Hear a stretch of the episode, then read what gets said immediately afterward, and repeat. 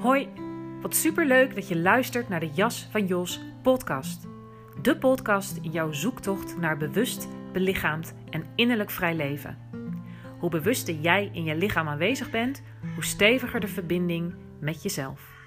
Het lichaam is een poort naar verwerking, heling, transformatie en groei.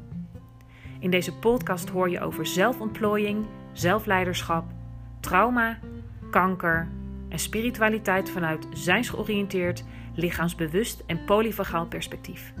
Ontvang inzicht, inspiratie, meditaties, oefeningen en nog veel meer. Psychologie, spiritualiteit en biologie dansen in een prachtig, complex samenspel waarin je jezelf op steeds dieper niveau leert kennen, zodat je kunt zijn wie je werkelijk bent. Je jas mag uit, groei naar wie je bent. Ik dank je alvast voor het luisteren en wens je super veel luisterplezier.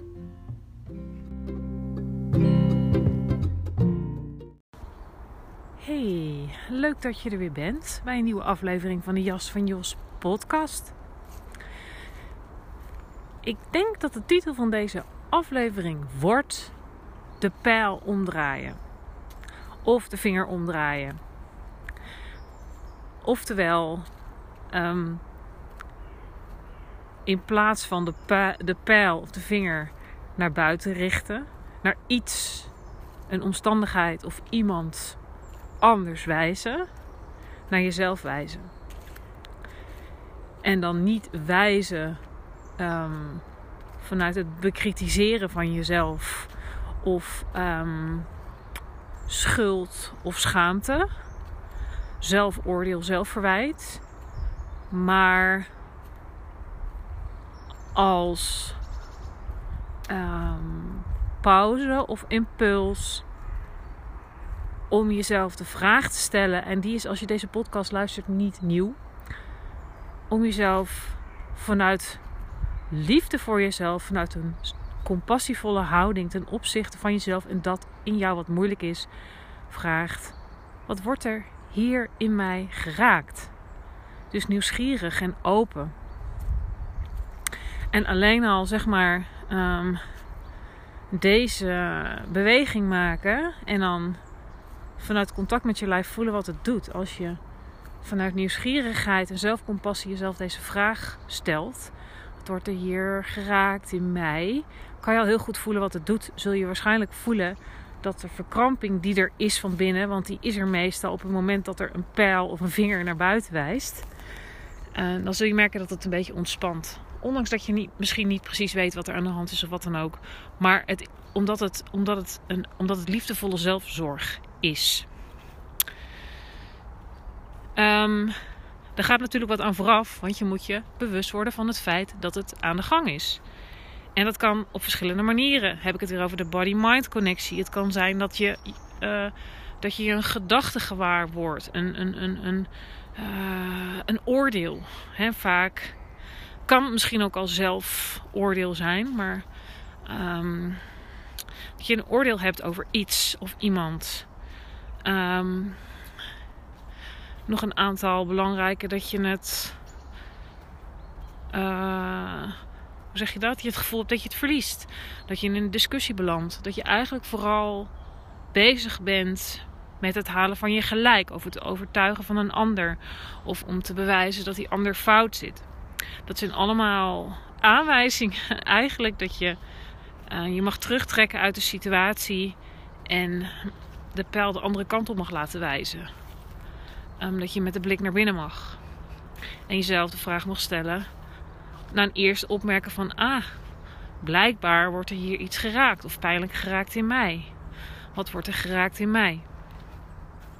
Um, om los te komen uit de greep van, van, van hoe zeg je dat, ongoing cycles um, van gedoe, ruzie, conflict in relaties. Um, of conflict en gedoe in jezelf, misschien ook als gevolg hiervan. Is dit gewoon een hele belangrijke stap om te maken. En um, Oh ja, dat is eigenlijk wat ik wilde zeggen. Het kan, hè, dus dat je, dat je, dat je een gedachte gewaar wordt. Het kan ook zijn dat je. Daarom is het lichaam weer zo belangrijk om, om uh, lichaamsgewaar zijn, lichaamsbewustzijn te ontwikkelen. Uh, interoceptie. Dus je, dat je eigenlijk als het ware altijd een deel van je aandacht in je lichaam hebt. Dus met de voeten stevig op de grond. Je bewust van fysieke sensaties. Want dan kan je meteen voelen. Hè, dat, dat, dat wat ik heel vaak zeg. Eigenlijk kan je altijd. Zo'n super eenvoudig. Maar, maar het, is wel, het vraagt wel beoefening. De vuist sluit of de vuist ontspant. Dus oftewel een samentrekkende uh, beweging van binnen. Contractie, verkramping. Uh, of juist dat die vuist ontspant. Dat er expansie is, ontspanning. En um, als die expansie er is en die ontspanning, mag je er natuurlijk helemaal in zijn.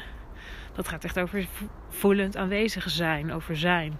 Maar op het moment dat er verkramping is, is het altijd een uitnodiging om een stop te maken en met de aandacht naar binnen te gaan. Um, ook als er bijvoorbeeld je in een conflict verzeild bent, mag je daar voor liefdevolle zelfzorg. En uiteindelijk is dat ook liefdevolle zorg voor een ander kiezen door uit de situatie weg te gaan. Een stop te maken en jezelf die vraag te stellen: wat wordt er geraakt in mij? En alleen dat al. Zul je merken dat het ontspant. Um, zonder hier um, in deze aflevering verder op in te gaan van wat er pijnlijk geraakt kan worden. Daar gaat deze hele podcast eigenlijk uiteindelijk over. Over bewust belichaamd innerlijk vrij worden heeft hier natuurlijk alles mee te maken.